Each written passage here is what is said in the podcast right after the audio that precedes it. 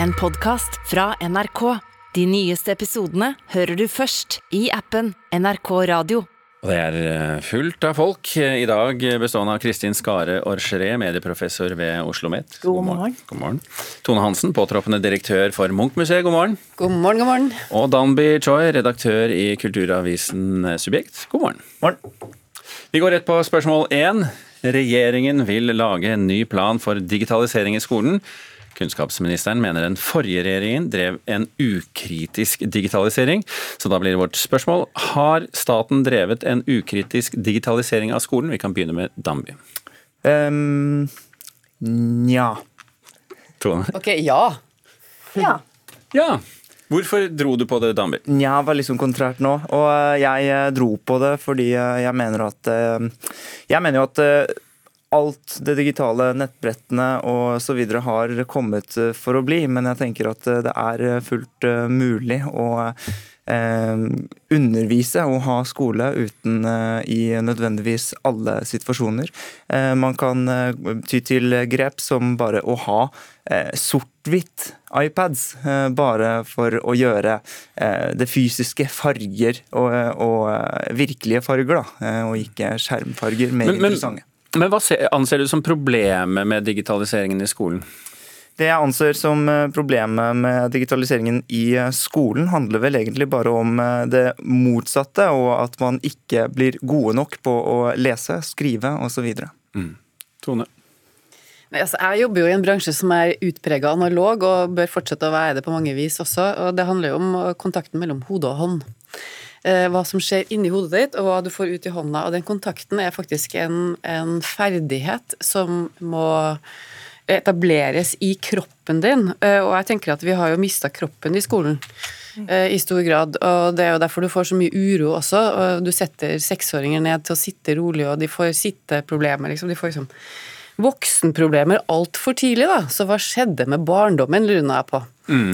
Men, men uh, analog, jo, din bransje er jo også visuell, og det er jo tentativt, da, nettbrettene? Absolutt, og vi ser jo hvordan eh, Altså, du kan legge et nettbrett inn i en utstilling, og så slipper du en barnehageklasse inn. Så ser ikke de på et eneste bilde på veggen. De, er, de samler seg rundt det som kan skje, det som kan stimulere de umiddelbart på den skjermen. Så jeg tror ikke at digitalisering er noe problem per se. Jeg syns det er kjempeviktig at du lærer alle ferdighetene, og ikke minst for at skolen skal være egalitær. Den skal gi alle barn tilgang til evner på, på, tross, på tvers av klasseskiller, da. Men øh, det må finnes en annen type å bruke bruke det på enn det vi ser i dag. Kristin? Man hører i hvert fall ikke mange rope så overstadig høyt lenger om viktigheten av at små barn skal være digitalt kompetente. Så der tenker jeg begynner det å skje en endring. Og nettopp som Tone sier, det at vi ser at vi trenger begge deler. Så jeg er også opptatt av det å Uh, viktigheten av å holde det praktiske, de praktiske ferdighetene oppe i, i skolen. Uh, og jeg tror nok at vi kommer til å se et klasseskille. Man har liksom i mange år snakket om det digitale skillet mellom land og innland. Men etter hvert der hvor lærere har albuerom og kompetanse til å bruke det digitale som et verktøy, men også til å legge det bort og fokusere på andre ting. Og de skolene, miljøene der hvor det vil bli brukt som en barnevakt, nærmest. Ingen av dere som har nevnt eh, konsentrasjon? Nei, konsentrasjon er viktig her. Jeg tror nok nettopp det Hvis du lærer å lese eh, på papir og konsentrere deg om det, eh, så vil det være mye lettere å ta og plukke opp det digitale. Altså, det er ikke noe problem, det lærer man seg når man trenger det. Eh, men det å lære seg å konsentrere seg og være, gå opp i noe over tid, det er en ferdighet, ja. Noen som har gode råd til den nye regjeringens digitale plan? Ja, se på hele skolen under ett, ikke bare digitalisering. Vi er nødt til å snakke om hva skole skal være for noe, hva slags medborgere vi skal lage. Og så kan vi bruke det digitale verktøyet som alle andre verktøy, som en pensel og en høvel der òg. Mm. Jo, og så kan man også se for seg et eh, worst case-scenario litt oftere, tenker jeg. Og at eh, man er ganske sårbar når man er så avhengig av eh, digitale midler som vi er i dag. Og kanskje huske Hanne Arendt, skapende menneske, at både barn og voksne er både praktiske og teoretiske samtidig. Vi går til spørsmål nummer to. Appen BeReal har eh, skutt fart i universet for eh, sosiale medier. Bruken, bruker du den appen, så må du ta bilde av deg selv og det du holder på med i det øyeblikket du blir bedt om det, uavhengig av hva du nå driver med, om du så sitter på do, og så skal du da poste det til vennene dine. Du har ikke tid til å lage noe glansbilde av deg selv, slik som du kan på f.eks. Instagram. Og det kan være et godt, godt tegn i tiden, sier en forsker vi snakket med denne uken. Vi har også snakket med fem på gata. Nei, jeg har ikke orka å sette meg helt inn i det. Det er så Nei, ass. Har ikke orka. Eh, nei, jeg føler jeg har nok sosiale medium eh, som tar opp mye tid, så jeg har ikke tenkt å laste ned den. Ja, det har jeg. Ja, jeg bruker den selv. Ja? Mm. Eh, men er du real på Be Real? Jeg prøver å være. Prøver å holde tida. Ja, Det spørs veldig. Hvis jeg sitter på do, så er jeg ikke så real. Og vårt spørsmål er, vi kan begynne med deg, Tone. Er appen Be Real første steg mot en mer ekte virkelighet på sosiale medier? Jeg har ikke peiling. Sikkert. Jeg tar det som et ja. Nei. Eh, nei. Tone, hvorfor har du ikke peiling? Jeg syns det er så kjedelig med sosiale medier. Jeg er jo på sosiale medier en gang iblant, men har ingen rutiner for dette her. Jeg hadde blitt veldig stressa hvis en app skulle ta bilde av meg til enhver tid i enhver situasjon jeg ikke kunne bestemme selv. Jeg- har nok stress i livet mitt, så jeg henger meg ikke på. Men sikkert gøy for de som er veldig opptatt av det. Det var et veldig dårlig svar, Tone Hansen. Skikkelig dårlig. Her kommer et mye bedre svar. Ja Fra til medieprofessoren. Ja til ekthet og naturlighet. Det er veldig vanskelig å være uenig i det, eh, så lenge det viser oss fra vår beste side. Det er noen, en sånn dobbelthet der som er litt ironisk. Eh, Både det at vi trenger en app som skal minne oss på at vi skal være ekte og naturlige. Eh, Mens de som bruker den, da Jeg har jo ikke brukt denne appen, det er mange som sier at det er fint at man får en slags nærhet til vennene sine når man da uten, nesten, nesten uten forvarsel må ta dette bildet. Så er det morsomt det grepet at du tar både bilde av deg selv og det du ser på samtidig. Og det ser man jo. Altså, interessant da, at Nå blir jo den teknologien eller det grepet spist opp av andre apper også. så Det er et sånn typisk tegn på at når noe lykkes, så overføres det eh, andre steder. Men jeg merker at jeg har en sånn dobbelthet i dette at jeg vil jo gjerne at ting skal være ekte og naturlig. Og øh, vil gjerne ironisere over de såkalte white women's Instagram, hvor alt er stylet og perfekt og sånn. Samtidig så bruker jeg også kanskje litt lang tid på å velge ut det fineste bildet når man av og til skal Du, du eksponere seg. trenger ikke å være white woman for å ha style Instagram. Har du sett min?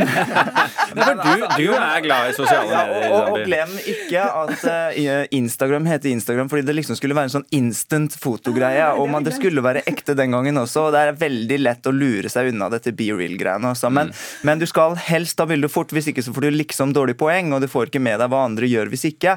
Uh, og det er jo en, den, en påtvunget, men også en sånn terskel, egentlig, for at folk gidder å bruke det. Jeg, jeg sitter jo på jobb og på kontoret hver gang jeg tar bilder, og ikke på kvelden vel, spurte noen, men jo, jeg sitter jo der på kvelden også, så det blir liksom aldri noe spennende da, å følge med på. Og det Men- føles men veldig du- du- tvunget. i Snakker du feeden. om nå Be, be Real? At du Nå er på snakker jeg om Be Real, det glemte jeg. å Jeg må bare disclaimer, altså White women kommer i alle kjønn og Ja, så mye jeg er en white woman.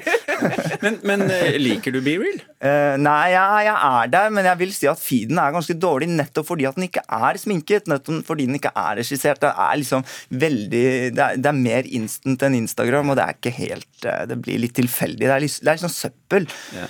Det er masse forurensning på nett. Det er nok, eh, nok unødvendig serverbruk. Så du vil ha den der eskapismen, du? Jo, men da kan man jo faktisk eh, ha det gøy og være kreativ og ha litt regi. Men det kjedelige er jo det at det behovet for at alt skal være så virkelig hele tiden, hva er blitt av eh, muligheten til å være noe totalt annerledes, da? Enig. Vet ikke om vi skal høre på deg mer i dette spørsmålet. Du skal få et annet spørsmål. Vi kan gå til spørsmål nummer tre. eh, Og det er eh, som følger. Eh, Denne uken så fortalte vi her i Nyhetsmorgen at eh, forskning på lydbøker viser at vi ofte faller av underveis. Eh, Og så gidder vi ikke spole tilbake, så vi, mister konsentrasjonen, og så begynner vi å tenke på andre ting. Så dette spørsmålet er, og vi kan begynne med deg Kristin, er bøker man leser bedre enn lydbøker? Skikkelig sånn rød tråd gjennom Ja, veldig spørsmålene i dag. digitalt fredagspanel. Ja, ja, ja. Eh, ja, bøker man leser på papir er bedre. Zambi. Ja, bøker på, man leser på papir er bedre, det er jeg enig i. Nei. Ja. Du skal få lov å begynne, Kristin. Eh, man konsentrerer seg trolig mer i møte med en papirbok enn når man lytter til en bok. Så tror jeg det er naturlig store forskjeller hva slags bok dette er, og hvem man er, og i hvilken situasjon man leser, lytter. Eh, I sommer har jeg hørt på franske lydbøker. Det som var interessant der, er at oppleseren, innleseren, hva heter det, den som leser, oppleseren, eh, lever seg veldig inn i rollene. Litt sånn som hvis dere husker eh, Tre nøtter for Askepott, hvor han ene fortelleren spiller alle rollene. Rolf Riktor. Var det Rolf Riktor? Ja, var det ikke det? Nei. Nei, det er Risan var det. Risan, Risan, Risan var det. Risans eh, stemme eh, i alle rollene som de slemme søstrene osv. Og, så og litt sånn opplesning var det franske lydbøker. Da mister du meg. Det ble veldig, veldig anmasende og slitsomt. Men en god leserstemme kan jo gjøre det i en ekstra dimensjon til en lydbok. Det kan mm. absolutt. Tone, du var ikke enig i dette? Nei, altså Lydboken har det gjort uh, mulig å høre på bøker mens du kjører bil, f.eks. Jeg kjører ganske mye bil, så det har vært eh, en lettelse for meg å få endelig kommet meg gjennom noen bøker som jeg ikke rekker i hverdagen. Eh, men jeg er enig i konsentrasjonsissuen her. Du vil ikke lese de vanskeligste bøkene på Eller lyttet, da, til, eh, til, bøker på samme måte. Men det er jo to veldig ulike måter å, å få informasjon på, tenker jeg. Så det er jo veldig spennende hvis lydboken kan utvikle seg til å bli kanskje noe annet enn bare opplesning. Så at det blir Altså, du er litt for denne Jeg er litt for den uh, dramatiseringen, altså. Ja, men ja, ja, ikke sant. Og, og, så fint det var med når NRK hadde drama på radio som ja. du fulgte med. Ja. Og musikk. Mm. Dambi?